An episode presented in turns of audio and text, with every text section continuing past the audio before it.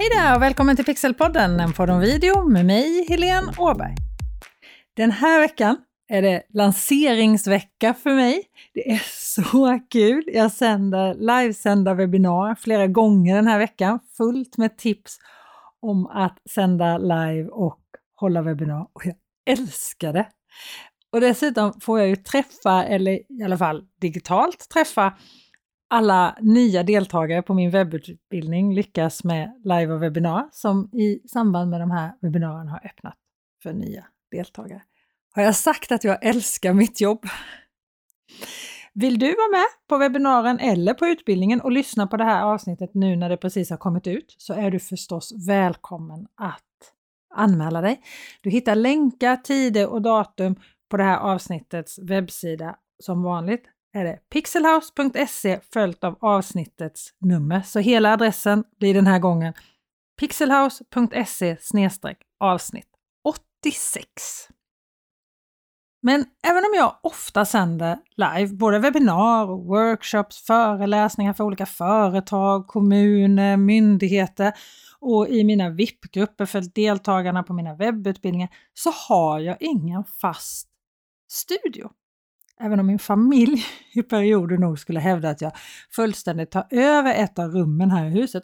Rummet som min son kallar biblioteket eftersom det finns så mycket böcker i en stor bokhylla i det rummet. Och det låter ju lite tjusigt tycker jag. Jag går in i biblioteket.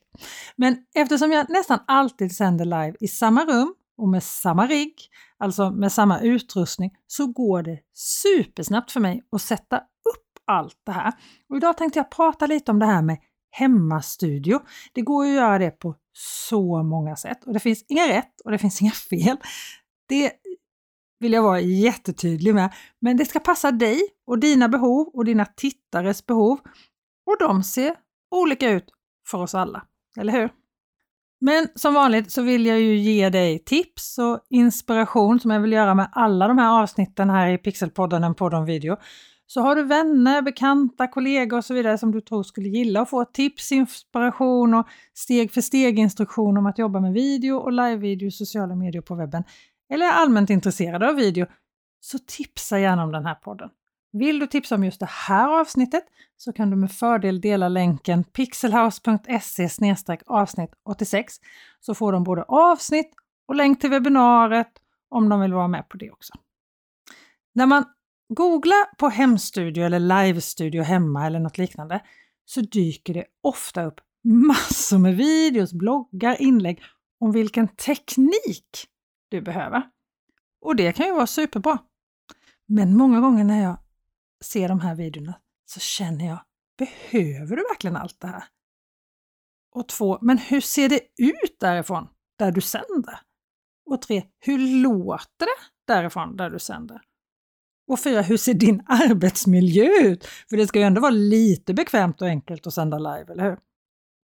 Vilken utrustning du behöver för att sända live och hålla webbinar, det pratade jag om i avsnitt 82, utrustning för live och webbinar. Och jag länkar till det avsnittet på det här avsnittets webbsida. pixelhouse.se avsnitt 86. Men de här andra sakerna, hur får du det att fungera smidigt att sända hemifrån? Hur skapar du en studio av till exempel ditt sovrum eller ditt vardagsrum eller i mitt fall då biblioteket? Det första är att hitta en bakgrund i din lägenhet eller i ditt hus eller på ditt kontor om det är så att du vill bygga en hemmastudio på ditt kontor. Bakgrunden behöver inte vara något superspeciellt, men det är roligt om det är något annat än en vit kal vägg. För det blir gärna lite stumt och lite tråkigt. Jag använder då till exempel oftast min bokhylla som bakgrund, men jag har också sänt live med olika skärmar i bakgrunden lite beroende på vem jag ska prata med. Så vem är din målgrupp? Vad är det du vill signalera? Vill du signalera personlighet och alla kan göra det du gör? Ja, men då kanske min soffa och bokhylla som känns hemma är jättebra. Vill du signalera corporate eller företagande, då kanske en bokhylla med ett helt annat innehåll än mitt skulle passa bättre. Jag skulle till exempel också kunna ha en bakgrund full med kamerautrustning och annat som relaterar till video och live-video, eller hur? Men det har ju alla andra tänker jag. Och nackdelen med just teknik är att den är ju sällan snygg i bild alltså. Men om du jobbar med något som är snyggt i bild, använd det! Men ställ inte dit för mycket grejer i bakgrunden. Det får inte bli plottrigt och det får ju inte ta för mycket fokus heller från dig och det du visar, det du verkligen sänder live om, det din sändning handlar om. Och tryck inte upp dig mot väggen oavsett vad du har för bakgrund. Om ditt rum är stort nog så vill du helst ha lite avstånd mellan bakgrunden och dig själv, gärna flera meter. Så se till att du inte upplevs upptryckt mot väggen av dina tittare. För det ger inte en så självsäker känsla, förtroendeingivande känsla att du står upptryckt mot en vägg. Ett sätt att få ett litet rum att se större ut än vad det egentligen är, det är att filma diagonalt i rummet. Då kan även ett litet rum kännas stort och så blir det faktiskt inte så platt. Hörn i rum kan ofta skapa ett ganska fint djup i bilden. Så filma mot ett hörn kan vara ett superbra knep för att få en bra bakgrund oavsett hur ditt rum ser ut eller hur stort det är. Eller hur litet det är. Och vill du ljussätta riktigt snyggt så är det också lättare att göra det om du har avstånd mellan dig och själva bakgrunden. Så du tjänar verkligen massor på att inte sitta för nära väggen, alltså inte ha väggen för nära ryggen. Något som gör väldigt mycket för upplevelsen är om du jobbar lite med ljus på din bakgrund då. Du kan punktbelysa vissa saker i bakgrunden och så finns det ju fantastiska sådana här LED-strips som man kan använda. Många av dem går att ändra färg på till exempel. Det är många Youtubers som kanske är lite, ska vi säga, väl kära i sina LED-strips. Men rätt använt så kan det bli riktigt, riktigt snyggt. Och fördelen med just sådana här LED-slingor är att de tar ju ingen plats.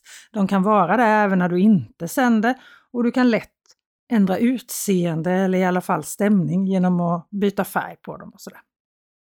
Men kom ihåg, rörelse, rött och ljusa partier drar till sig ögat. Så om du ska vara framför kameran så är det ju du som ska ha tittarens fokus.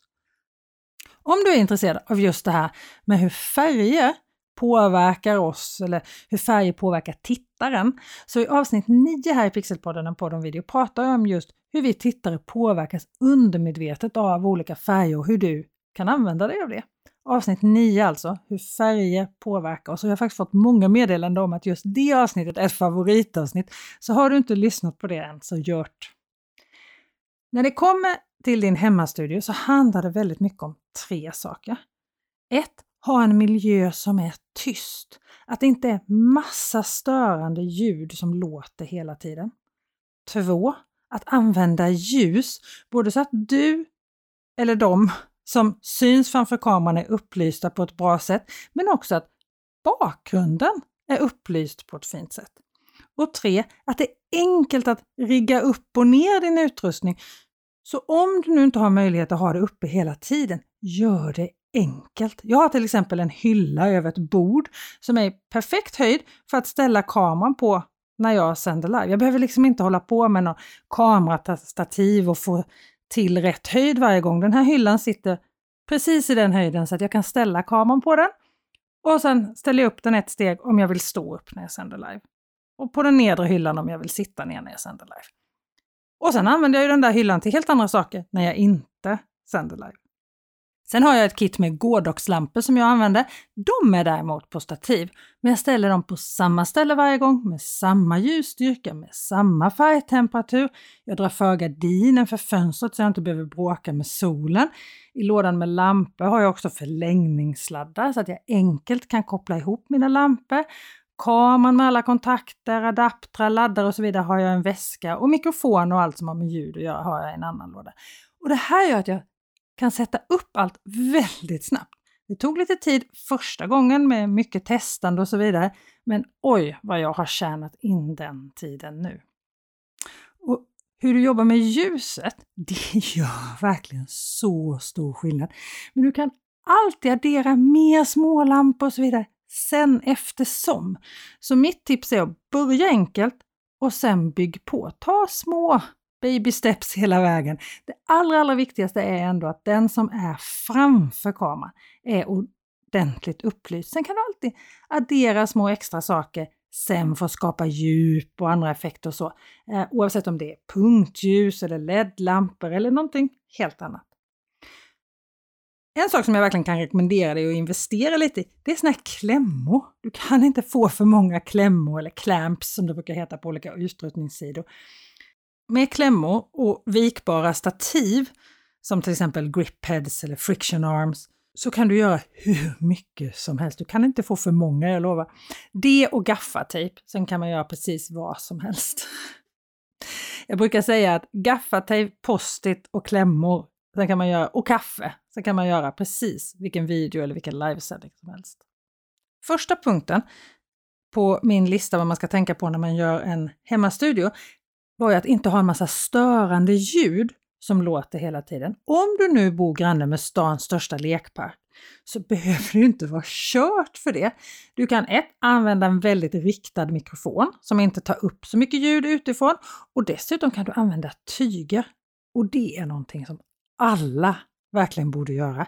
Mattor, soffor, gardiner, extra tyger är superbra sätt att få bättre ljud på dina videos oavsett om de är live eller inspelade.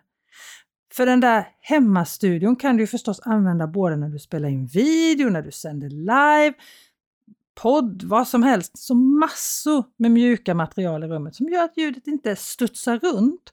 Så får du ett behagligare ljud för dina tittare och du måste inte köpa massa ljudisolerande plattor och tapetsera golv och tak med dem. Naturliga saker i tyg funkar absolut. Som du hänger upp en extra filt eller över en dörr eller en garderob så kan det göra underverk. Så om jag ska sammanfatta hela det här avsnittet i en enda mening. Jobba med det du har och bestäm dig. För om du hela tiden ändrar och letar bättre vinklar, bättre lampor, bättre setups så kommer det ta sån otrolig tid varje gång du ska sända live och då är risken att det inte blir av.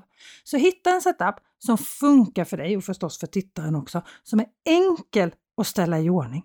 Då har du hittat det bästa alternativet och när du väl har gjort det, använd det ofta och mycket. Okej? Okay? Och nej, det är inte tråkigt att alltid ha samma bakgrund. Snarare så skapar det igenkänning för dina följare och dina tittare. Ta vilket tv-program som helst så är ju sonografin en stor identitetsskapare för programmet. Så våga använda samma rum, samma vinkel, samma utseende. Mycket, det är bara bra. Bra, eller hur? Och om du lyssnar på det här avsnittet nu när det precis kom ut så har du väl inte missat att jag den här veckan håller flera gratiswebbinar med just tips om livevideo och webbinar. Där jag också berättar lite mer om min webbutbildning som just nu är öppen för nya deltagare, Lyckas med live och webbinar.